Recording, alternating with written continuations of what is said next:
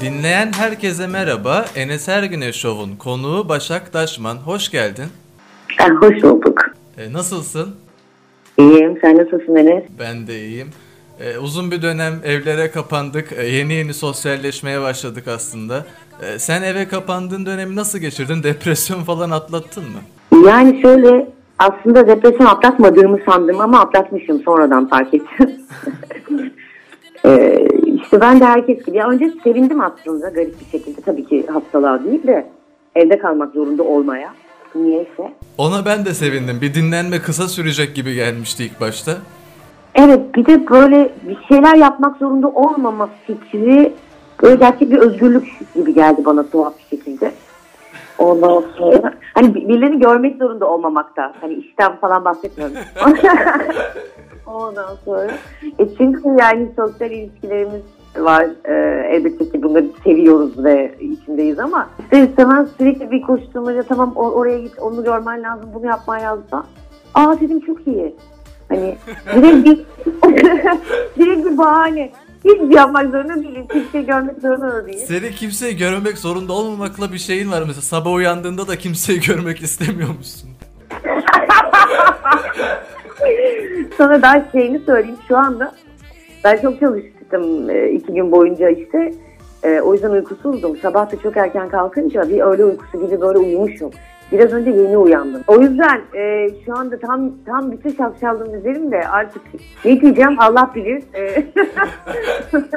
e, inşallah abuk subuk konuşmam diyorum şimdi önceden. Yok yok. Peki. E, Kırmızı Oda Asuman ile başlamak istiyorum. Gerçekten çok iyi bir performans sergiliyorsun. Asuman'la yolun nasıl kesişti?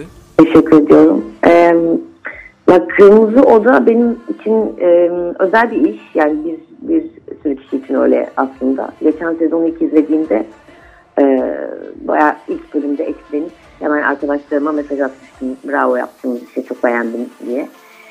E, hem rejisi hem bugüne kadar olan bütün oyunculukları hem de psikolojik anlamda e, insanlara gösterdiği diyeyim, öğrettiği diyeyim ya da işte önünü açtığı diyeyim e, kendileri hakkında bir şeyler öğrenmek adına. E, bu anlamda e, beğendiğim bir iş. Geçen sezon da aslında öyle e, işte olup e, o, olacağım gibi bir şey olmuştu ama ben o rolü değil de dedim ki bu rol değil de başka bir rol e, gelsin bana. Bayağı Asuman'ı çağırmıştım aslında bilmeden. Sonra Asuman için aradıklarında okudum ve çok e, hassas, tedirgin işte ama sevgi dolu e, ama çok ürkek kadın çıkınca karşıma tabii dedim tamam evet ben bunu oynayayım lütfen. Derin bir karakter. Evet ve e, sonra başladık. Tabii acılı bir serüven oynaması da açık söylemek gerekirse zor yani. E, çünkü özellikle çocuk çocuğunun tacize uğramış e, bir anneyi hayal etmek bile beni zaten bitirdi. Ee, bir sahne vardı ilk bunu anladığımı e, oynadığım. Onu çektikten sonra ertesi gün mesela öyle alakasız her şeye ağladım. E, çünkü çok e, üzücü bir şey yaşadığı insanların da Asuman'ın o sırada yaşadığı bir. O yüzden e, ağır geçiyor, zor geçiyor ama çok da keyifli geçiyor. Çok da güzel tepkiler alıyorum bir de. O yüzden de memnunum. Asuman seviyor. İnşallah mutlu edeceğiz onu da. İnşallah. Peki bu arada e, senin röportajlarını, seninle ilgili videoları izlediğimde içimden şu cümle geçti. Ya ne kadar sempatik ve samimi bir kadın. Teşke çok yakın bir arkadaşım olsaymış dedim. Aa, hayatım olalım aşk olsun. Hakikaten bunu dedim yani. Keşke dedim çok yakın bir arkadaşım olsaymış. O gerçek anlamda bilmiyorum bunu laf olsun diye demiyorum. O samimiyetin çok farklı. Teşekkür ediyorum çok tatlı. Tamam belki ileride yakın arkadaşımızın bu ilk başlangıç e, sohbeti olabilir. İnşallah. Bunun için çabalayacağım. Peki ilk oynadığın dizi Kıvılcım Star TV'de. Bu diziye dahil oluşunu ve sendeki hikayesini anlatır mısın? İlk işim hakikaten. Ee, daha tiyatro bölümüne girmemiştim. Sanat tarihinde okuyordum. Ama tabii tiyatro kulübüne üyeyim. Ondan önce eğitimde almışım falan filan. Çok ilişkiliyim tiyatroyla. O yüzden de devlet tiyatrolarında yardımcı oyunculuk figüran, e, figürasyon diyelim ya da e, için ben gittim birilerinin kapısını çaldım.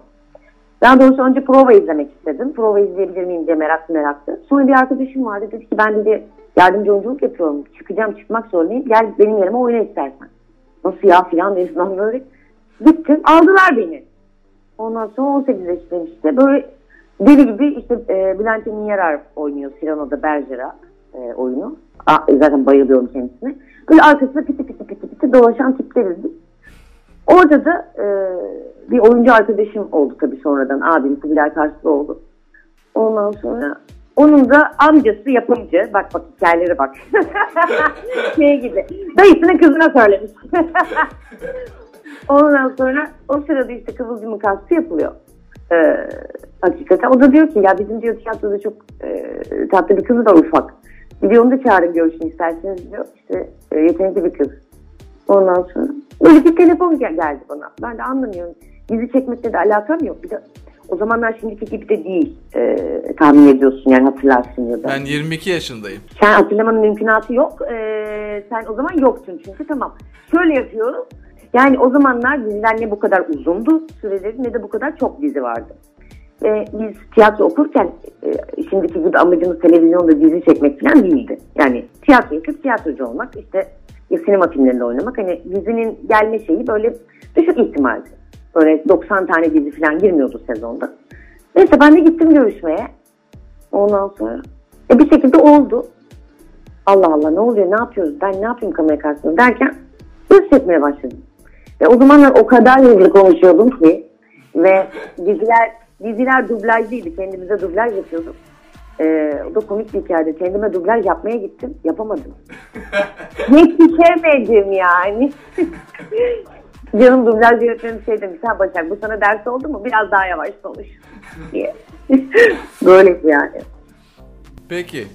Aynı zamanda bir yazarsın. Kırk Evin Delisi adında bir öykü kitabın var. Hep yazan Evet. birisi miydin yoksa bir anda böyle bir ilham mı geldi?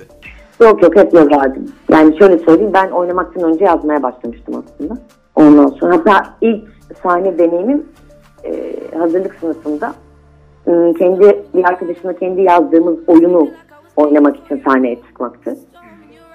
O yüzden yani hep yazdım yazdım yazdım ama bunları paylaşmak aklıma gelmiyordu. Hani çünkü ne bileyim e, kim ne yapsın benim yazdığımı gibi bir düşüncem vardı. Allah Allah. Sonra evet e, bir arkadaşım dedi yazdığımı okuyunca kızım bunları neden paylaşmayı düşünüyorsun? Şu an ben bu yazdığın şeyi kitabın arkasında görsem hemen alırdım dedi. Ben böyle oldum. Aa evet ya kitap çıkarabilirim.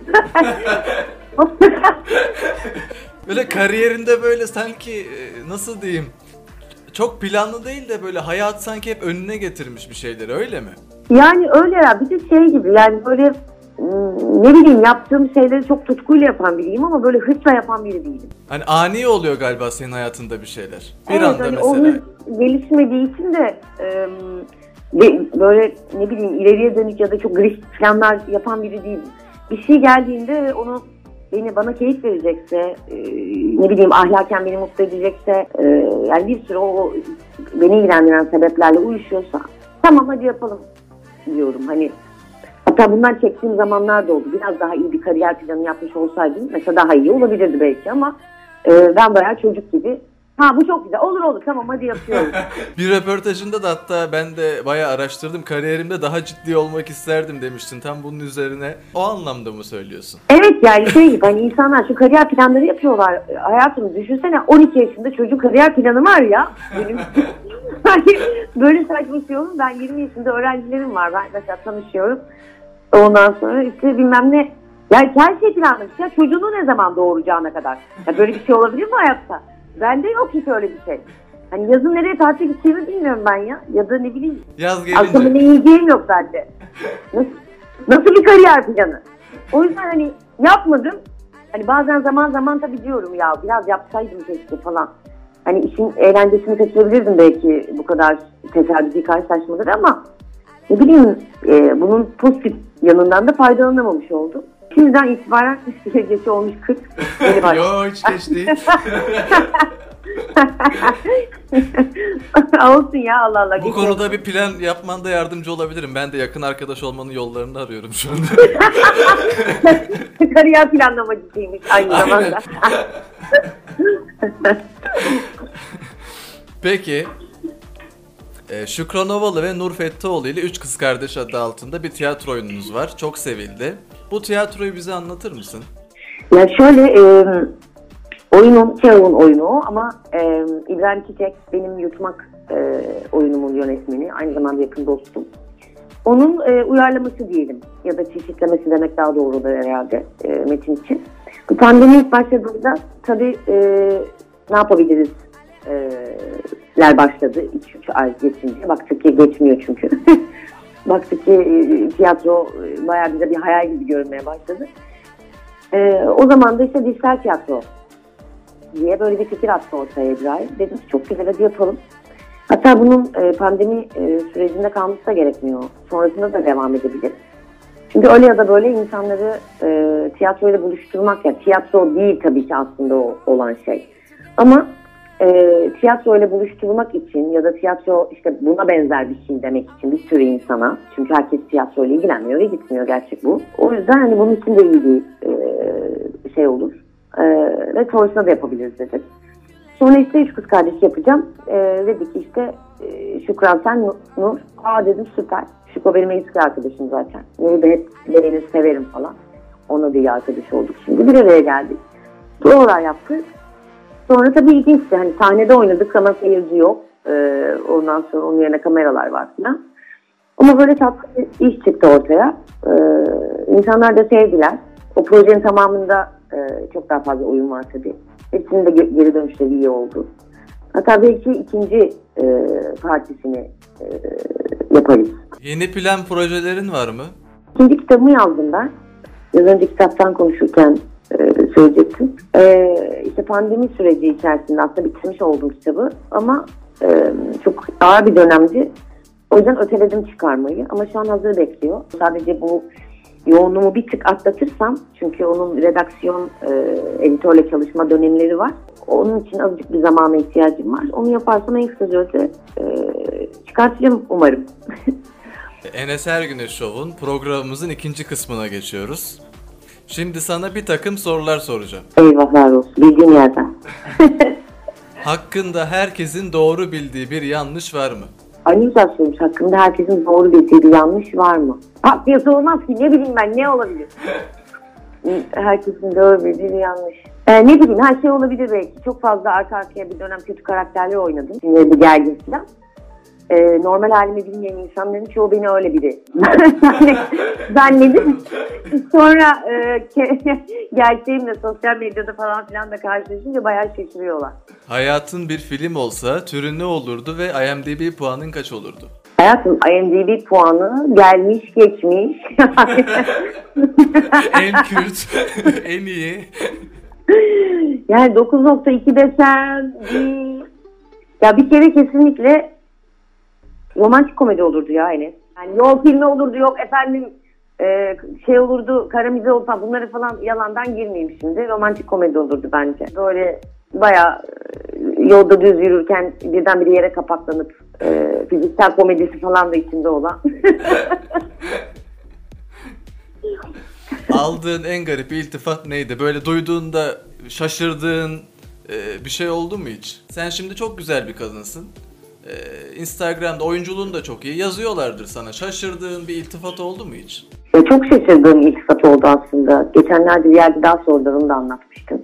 O yüzden başka bir şey söyleyeyim. Onun yerine şunu söyleyeyim aslında. Ee, bir gün ya böyle bizi yolda karşılaşınca işte aa merhaba nasılsınız Başak Hanım falan da diyebiliyorlar biliyorsun. İşte ya da aa siz dizi oyuncususunuz Dini. İşte osunuz busunuz hani bir sürü böyle bir soru şekli var. Bir gün bana biri böyle yaptı.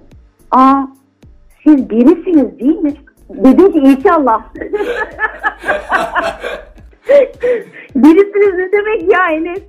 evet biriyim. Umarım biriyim yani. Sen ne dedin? Kadın benim kimliğimle ilişkimi sorguladı ya birdenbire böyle bir ne oluyor dedim ya birim, biriyim değil miyim ben acaba? Telefonuna kaydettiğin en ilginç isim ne? Telefonunu kaydettiğim en ilginç isim ne? Tamam şey ha eski eski kapıcının kardeşi bilmem ne. Eski kapıcının kardeşi bilmem ne yani adını bilmiyorsun açınca telefonu hatırla diye. Kendi kendine konuşurken kendin sana en çok ne söylüyor? Hmm. Kendini eleştirmek anlamında mı söylüyorsun bunu? Yok mesela Yani. bazıları Ha, sessiz sakin Ya ben kendi kendime çok konuşurum da o yüzden hani benim kelime dağarcığım kendime karşı çok yüksek ama en çok kullandığım şey aa ne saçma. Ya böyle bir şey olabilir mi? Ne kadar saçma. İçinden e, ağız ne kadar saçma mı diyorsun genelde? Evet evet genelde çünkü ya şey vardı geçen hafta öyle bir e, fotoğrafı öyle bir şeyle paylaştım.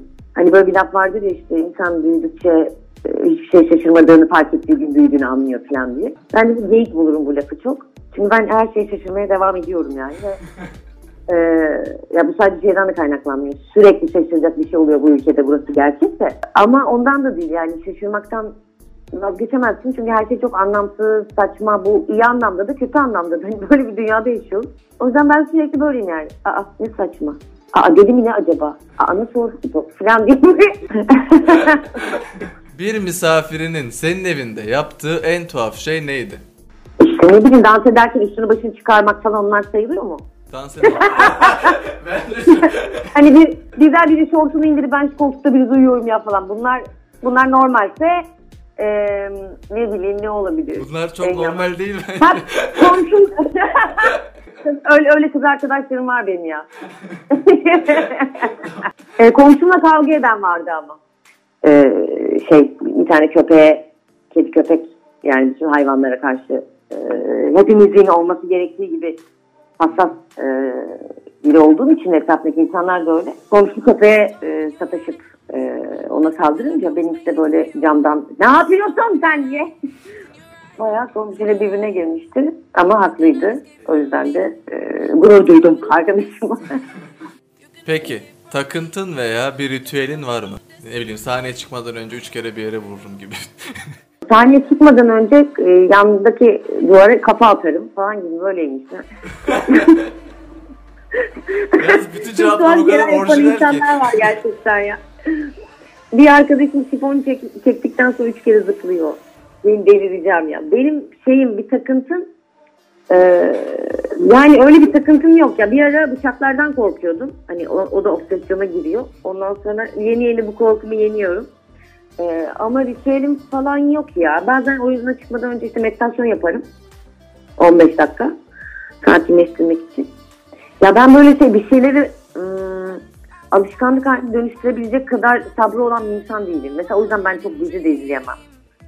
Ancak bu bütün sezonları bitmiş dizileri izleyebiliyorum. Hani arka arkaya açabiliyorsun ya. Yoksa haftaya izlemeyi unutuyorum anladın mı? o yüzden kendime bir ritüel bulsam bir dahaki oyunu unuturum. Senin takıntın olsa da unutursun yani. evet o yüzden pek üzerinde duramıyorum problemlerin.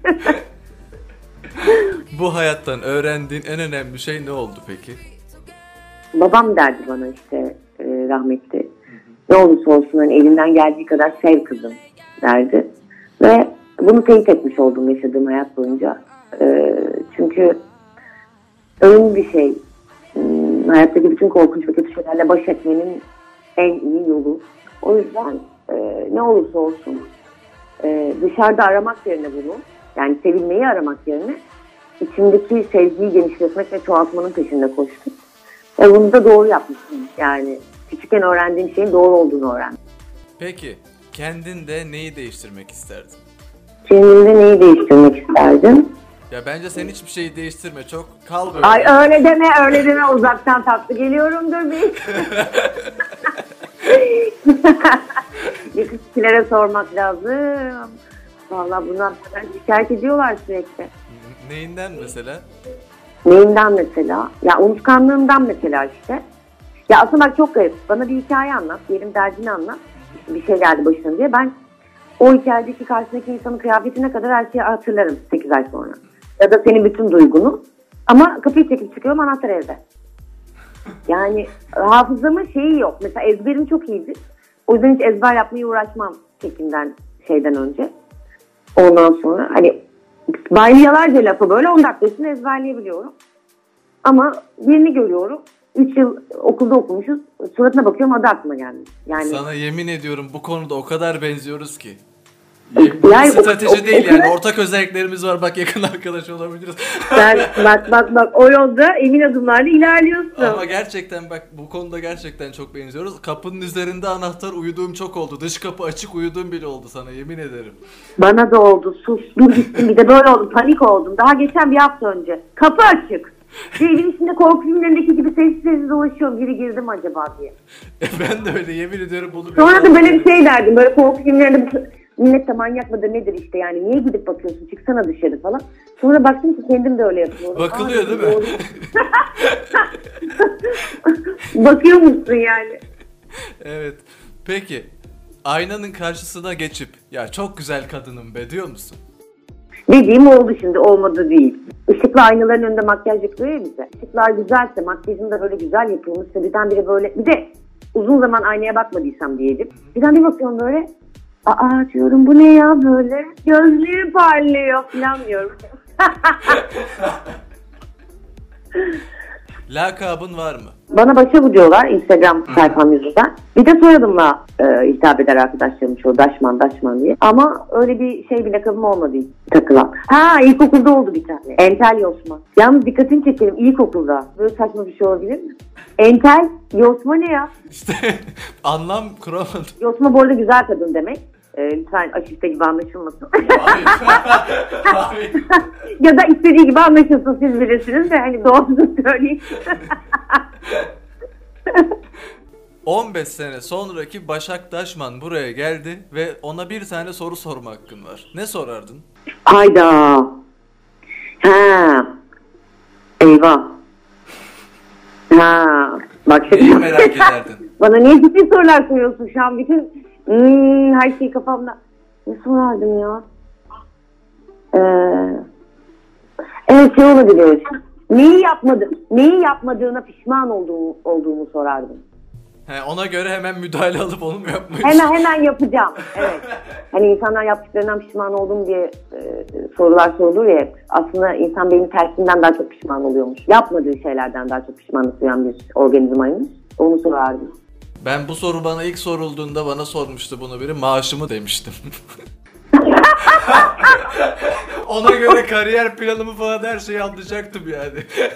Sana bir şey söyleyeyim mi? Bu verdiğin cevap seninle kariyer planı yapmamız konusunda bana bir ışık yaktı. Evet Süper, tamam çok tamam. sevindim. Şu, an- şu anda beni tavladın. Süper. Şimdi mesela aklının ucundan geçmez anladın mı? O yüzden tamam. Peki sen bir marka olsaydın sloganın ne olurdu? Asıl eğlence şimdi başlıyor. Vay. Bu iyiymiş bak. Peki en sıra dışı yeteneğin ne? Ben şey evet e, tek göz kapağımı diğerini hiç kıpırdatmadan kapatabiliyorum. Şimdi gözünü tek göz kapağını kapattığında diğer gözün oynar ya da kısılır falan Evet. filan ya. Hı Dümdüz kapatmaktan bahsediyorum. Vay. Oyuncak bebek gibi. Evet şimdi biraz sonra denersen anlarsın istediğimi. Denedim Biraz, zaten şu an 2 saattir onu deniyorum. biraz korkutucu bir görüntü oluyor çünkü onu yapabiliyorum. Sana fotoğrafını atarım. Ya me- merak ettim şu an. Bugünün sence en yararsız ürünü ne? Evet yani şey bir dünyada yaşadığımız için hani her şeyin her şeyi. Mesela sinema French yapacağım. Ee, French için şey var. Silikon parça var. Yani Ee, her şey var ya sarımsak soyucu vardı. Dövücü var şimdi. Kenara sıkıştırıcı var. o yüzden yararsız aslında olmasa da olur denecek çok ürün var şu anda. Yani telefon kesinlikle yararlı. Televizyon kesin yani bu, bu büyük şeylerin hepsi yararlı elbette. Ama tüketim toplumunu beslemek e, için yani ne bileyim mesela en yararsız ve korkunç ürünü aslında çok yararlı gibi görünse de streç film e, ve buzdolabı poşeti gibi şeyler. Çünkü bunlar doğaya inanılmaz zarar veriyorlar. E, ve biz onları deliler gibi harcıyoruz. Ama aslında onları kullanmadan da işimizi çözebileceğimiz materyaller var. O yüzden e, en yararsız ve çok zararlı olarak ben öyle şeyleri buluyorum. Ya da ıslak mendil gibi şeyleri. Çok yararlı görünüyor. Ama e, önemsizmiş gibi ne yaptığımızı bilmeden kullanıp kullanıp atıyoruz, kullanıp kullanıp atıyoruz. E, ve dünya şu anda o yüzden bir çöplük. Programımızın Enes Ergün'ün şovun son kısmına geçiyoruz. Şimdi. Sana senin hayatınla ilgili kolay hatırlayamayacağım birkaç soru soracağım. Hayda tamam. İlk sorumu bence hızlı hatırlayacaksın. İlk oynadığın dizi Kıvılcım'da hangi yıl oynadın? Hangi yıl? Aynen. Ee, 99. Evet doğru. Benim doğduğum yıl bu arada o. 99. Ay sana ay. Aa, benim canım benim dün doğmuş. Tamam. Peki Parmaklıklar Ardında dizisinde oynadığın karakterin soyadı neydi? Demir. Evet doğru. Baya her şeyi böyle hepsini net hatırlayacak gibisin. Payitaht Abdülhamit'te kaç kişiyi zehirledin?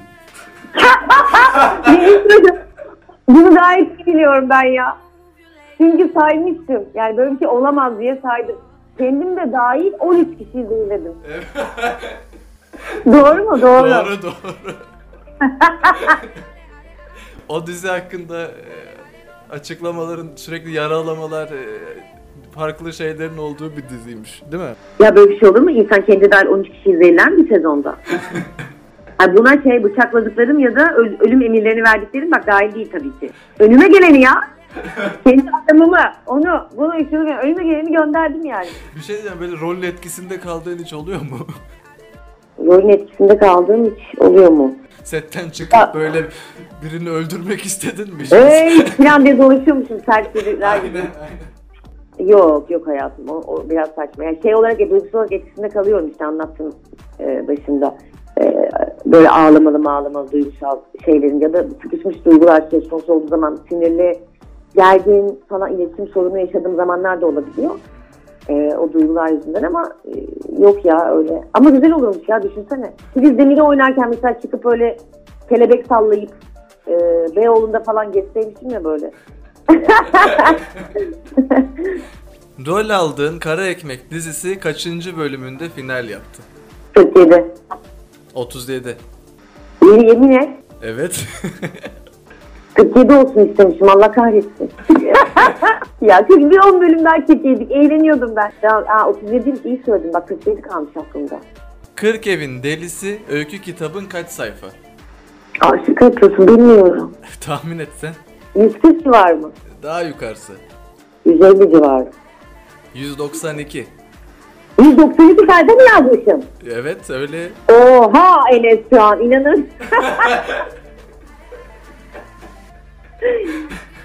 Aa, Programımızın sonuna geldik ama hiç bitiresim yok biliyor musun? Çok hızlı geçti. aa, valla ne oldu ben de anlamadım ya. İyi ki geldin. Seninle e, yüz yüze de birçok program yapmak e, dileğiyle e, teklif getireceğim zaten mutlaka. Yok yok konuşacağımız çok şey var. Sen maaş diye sordun o beni tamam şey yaptı. Katıldığın için çok teşekkür ederim. Teşekkür ederim. Çok tatlı bir sohbetti. Kendine çok iyi bak. Başka programlarda görüşmek üzere. Görüşmek dileğiyle. Hoşçakalın.